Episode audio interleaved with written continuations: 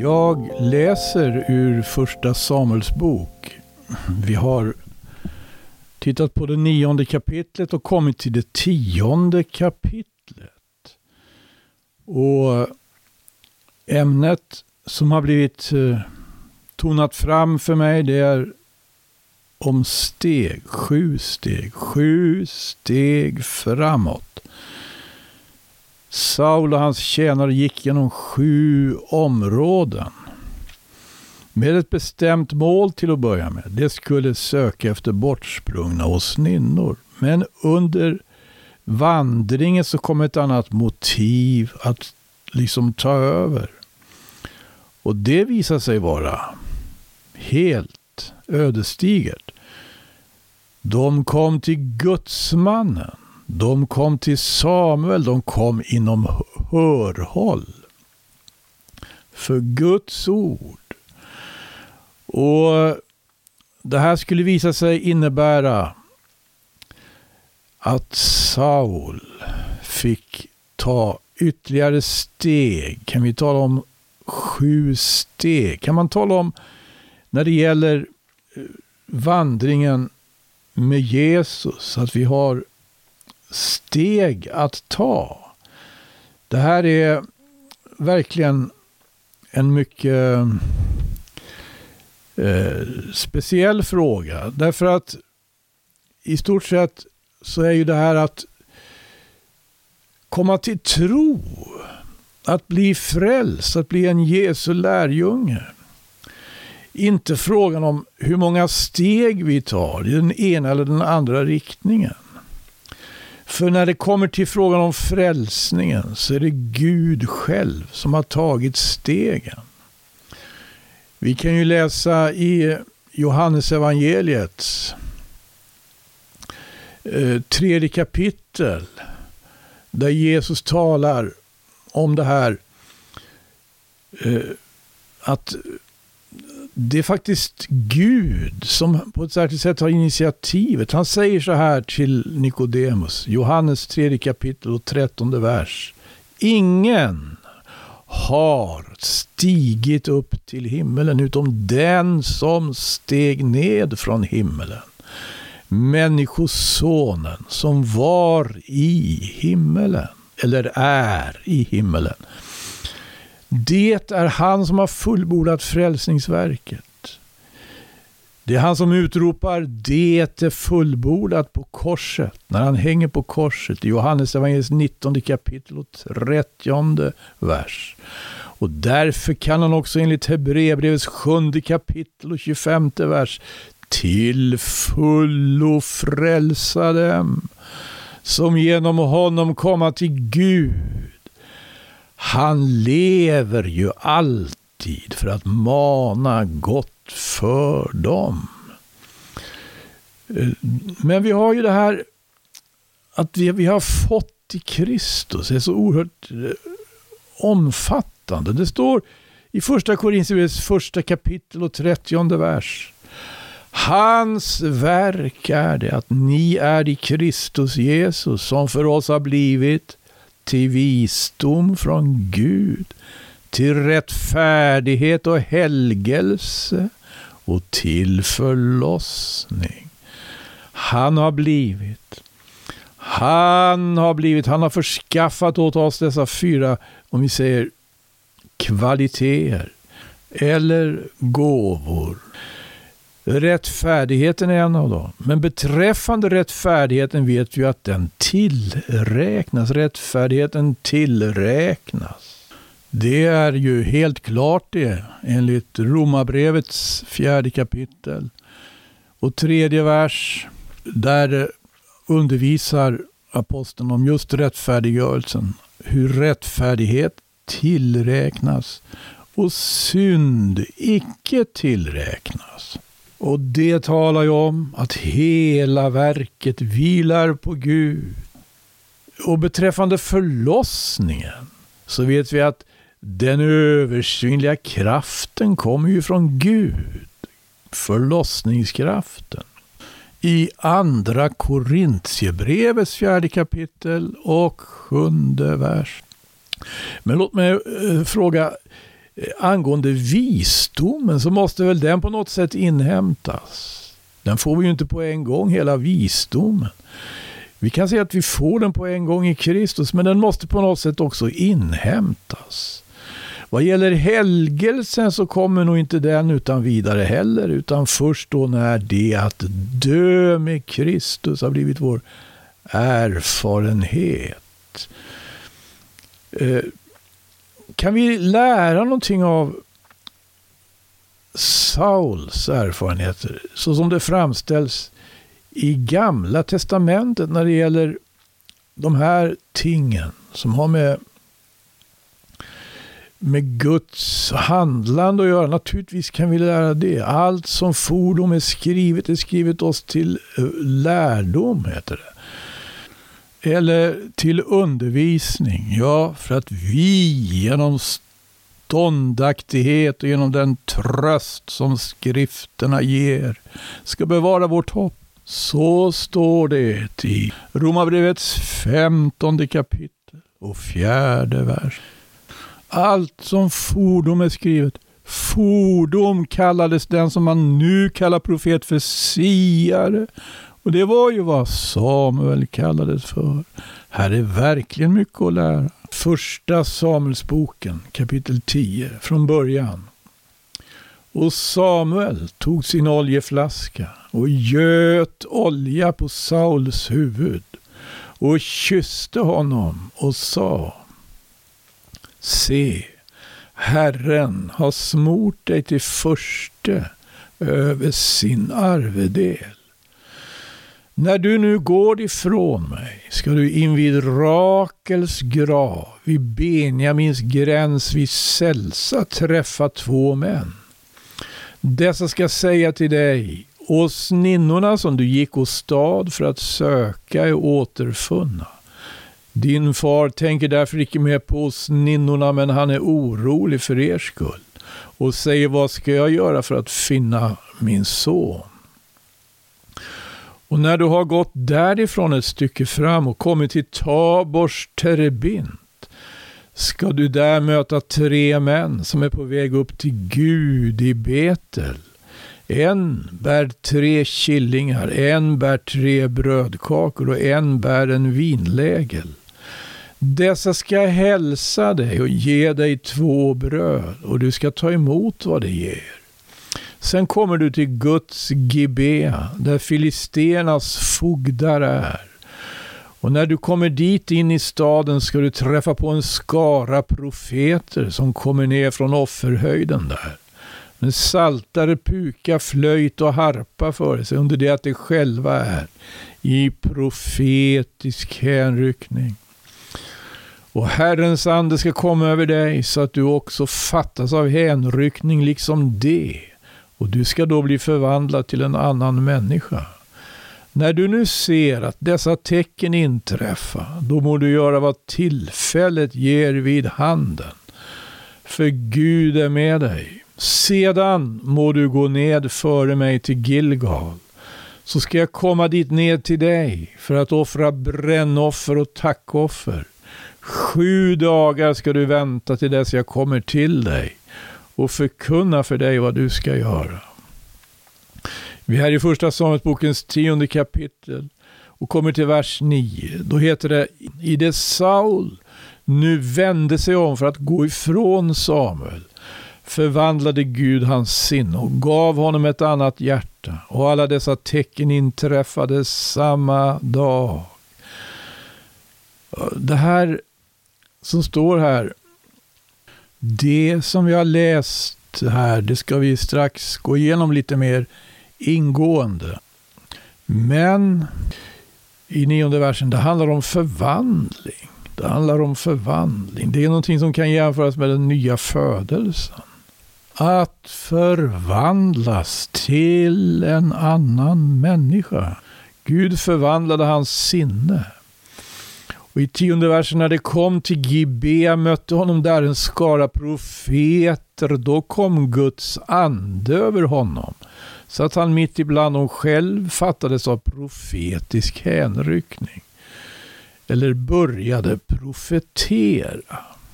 Ska man kunna likna det vid andedopet? Hur står det till egentligen? Hur är det förhållandet med anden? I gamla förbundet anden kommer över enskilda i gamla testamentet. På vilket sätt kan vi likna det eller lära något av det? Fråga om motsvarande erfarenhet i nya testamentet. Det står om de som blev döpta i anden på pingstdagen och vid flera andra tillfällen, till exempelvis i apostlagärningarna.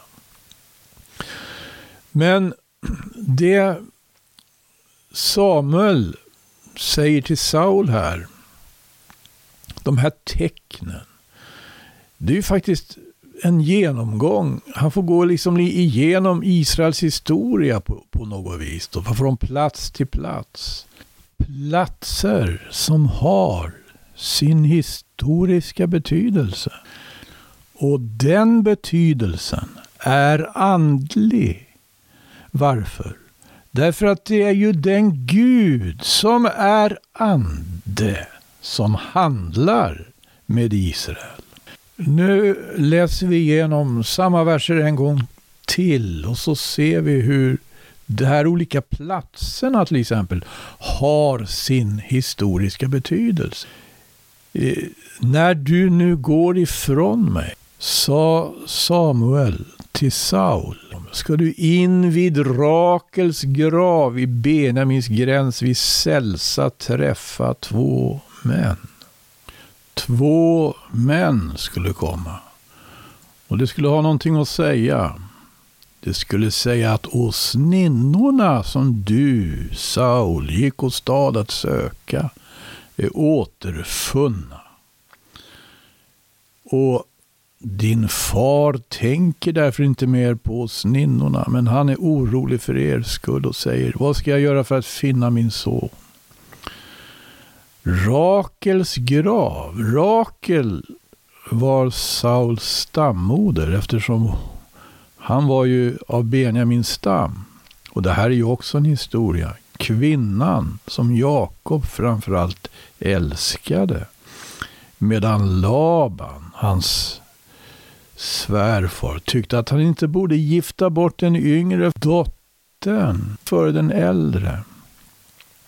I första Mosebok 29 kapitel och 20 vers så står det att Jakob tjänade för Rakel i sju år och det tycktes honom vara bara några dagar så kär hade han henne. Rakel fick ju till att börja med inga barn men blev så småningom mor till Josef och Benjamin.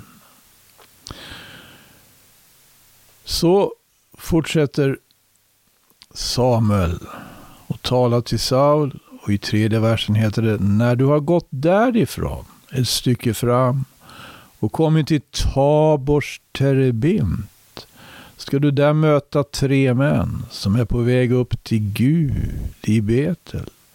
En bär tre killingar, en bär tre brödkakor och en bär en vinlägel. Dessa ska hälsa dig och ge dig två bröd och du ska ta emot vad det är. Här kommer tre män, inte som förra gången två män. Som eh, är ute i något allmänt ärende, utan tre män som är på väg upp till Gud i Betel.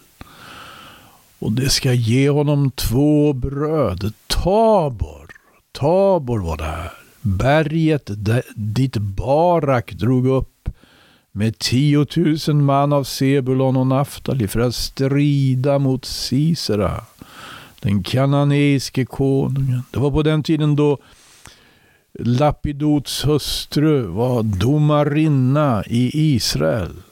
Det står i sjunde, sjätte versen i Domarbokens fjärde kapitel.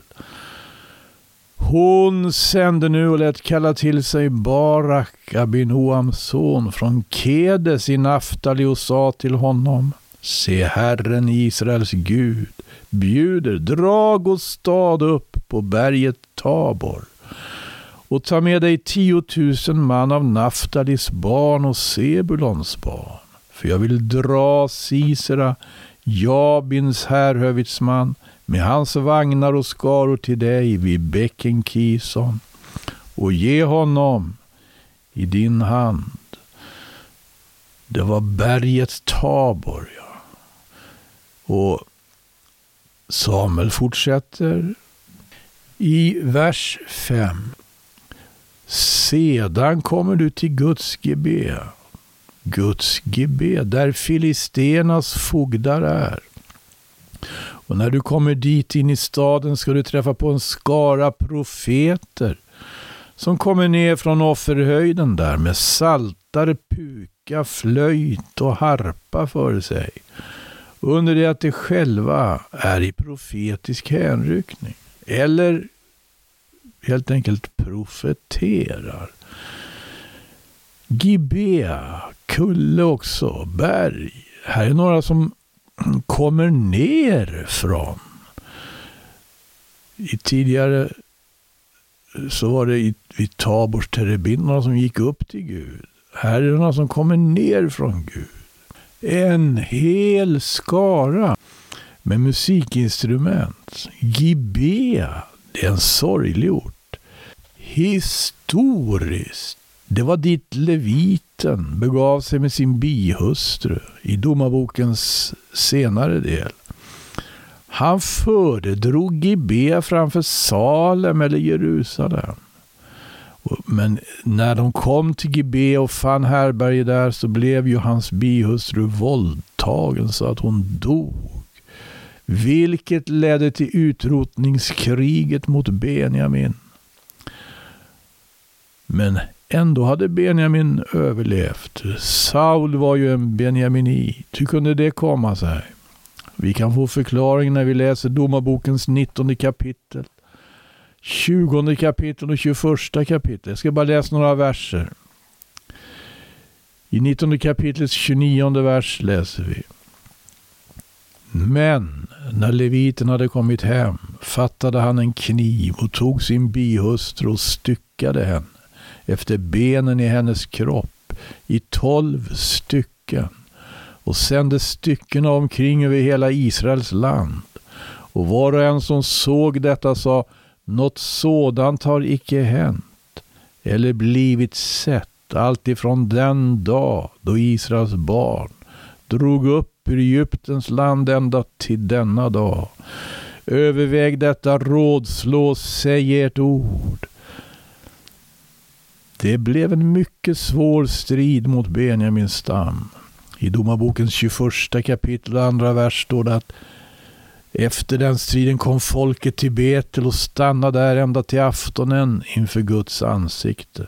Och det brast ut i bitter gråt och sa Varför, o Herre Israels Gud, har sådant fått ske i Israel? Att idag en hel stam fattar fattas i Israel. Här går Saul den här vägen som Samuel säger ska beledsagas av tecken, av tecken. Och Herrens ande ska komma över dig, säger Samuel, så att också du fattas av hänryckning, liksom det, det som kom ner från Guds Gibea det som kom ner från berget, från höjden. Och du ska då bli förvandlad till en annan människa. Vi är i vers 7 i första Samuelsbokens tionde kapitel. Samuel talar, han säger när du nu ser att dessa tecken inträffar, då må du göra vad tillfället ger vid handen, för Gud är med dig. Och det här som tillfället ger, det, kan vi nog, det är nog det vi läser om i kapitel 11. Men här i, i åttonde versen säger Samuel, sedan må du gå ner före mig till Gilgal, så ska jag komma dit ner till dig för att offra brännoffer och tackoffer. Sju dagar ska du vänta till dess jag kommer till dig och förkunnar för dig vad du ska göra. Gilgal. Det var ju första orten där Israels tolv stammar lägrade sig efter att det på ett så underbart sätt hade gått över Jordan. Efter den ökenvandring som hade varit i 40 år i Josvas boks fjärde kapitel. Här har Saul gått. Han har gått. Han har passerat Sälsa, där Rakels grav fanns. Han har kommit fram till Tabors terebint och mött tre män som var på väg upp till Gud i Betel. Han har kommit till Guds Gibe och mött en skara profeter. Herrens ande skulle där komma över honom. Ja, i nionde versen, i det han nu vände om för att gå ifrån Samuel förvandlade Gud hans sinne och gav honom ett annat hjärta och alla dessa tecken inträffade samma dag.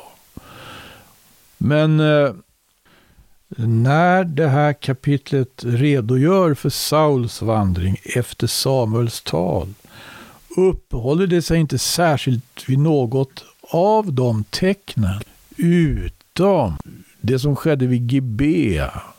När det kom till Gibea mötte honom där en skara profeter.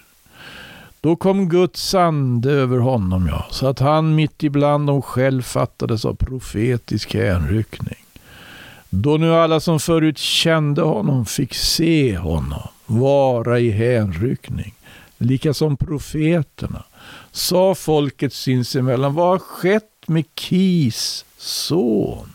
Är och Saul bland profeterna? Men en av männen därifrån svarade och sa, vem är då dessas fader? Härav uppkom ordspråket, är och Saul bland profeterna. Han fattades av profetisk hänsyn. Det var inte enda gången. Han profeterade. Profeterade. Det var inte enda gången. Det skedde också vid andra tillfällen.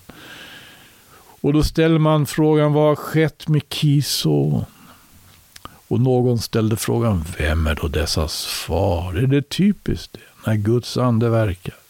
Så att tillvaron blir osäker på ett sådant sätt att eh, det profetiska, den prof, det, man börjar profetera. Och när, man, när, när anden verkar på det sättet, när anden verkar på det sättet så är det någon som ställer frågan, men var finns dessas, vem, vem är pappa till det här? Va? Ska inte vara någon ordning här? Ska inte vara någon, eh, det är som att eh, helt plötsligt så Eh, känner man behovet av att e, man, man efterlyser här någon, någon ordning, någon auktoritet. Finns det ingen påve?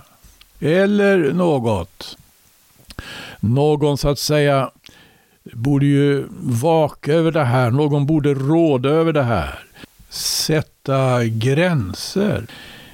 Men i trettonde versen står det när Saul hade upphört att profetera gick han upp på offerhöjden. Ja, här går Saul en väg, en märklig väg. Det är en gudsman som talar om vilken väg han ska gå.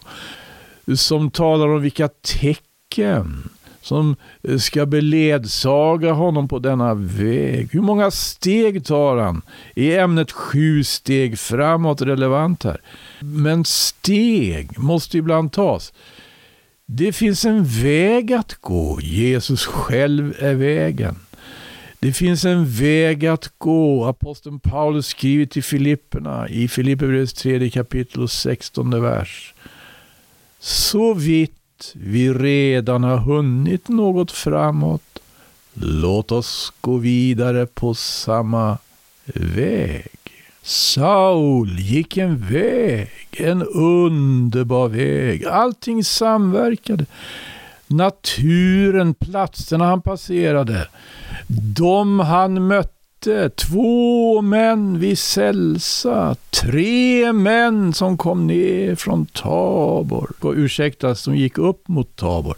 En hel skara profeter som gick ner från Gibea.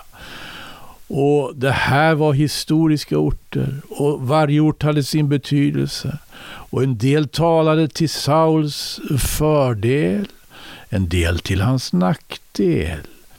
Här gick Saul en väg, en underbar väg, men också en prövningarnas väg. Men även om det verkar vara så att han överöstes framförallt av gåvor, han öv tecken som skedde, han överöstes av ynnestbevis från himmelens Gud, så kom det dock till Gilgal. Gilgal. Där, där krävdes något av honom. Där skulle han vänta sju dagar. Man kan tala om sju steg då. Sju steg av så att säga tålamod och tro. Sju steg, sju dagar. Han skulle vänta sju dagar. Han skulle inte bara vänta sju dagar. Han skulle vänta till dess att Samuel kom.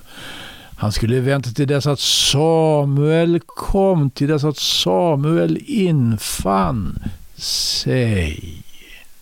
Då de sju dagarna hade gått. Förstått? Tack för uppmärksamheten.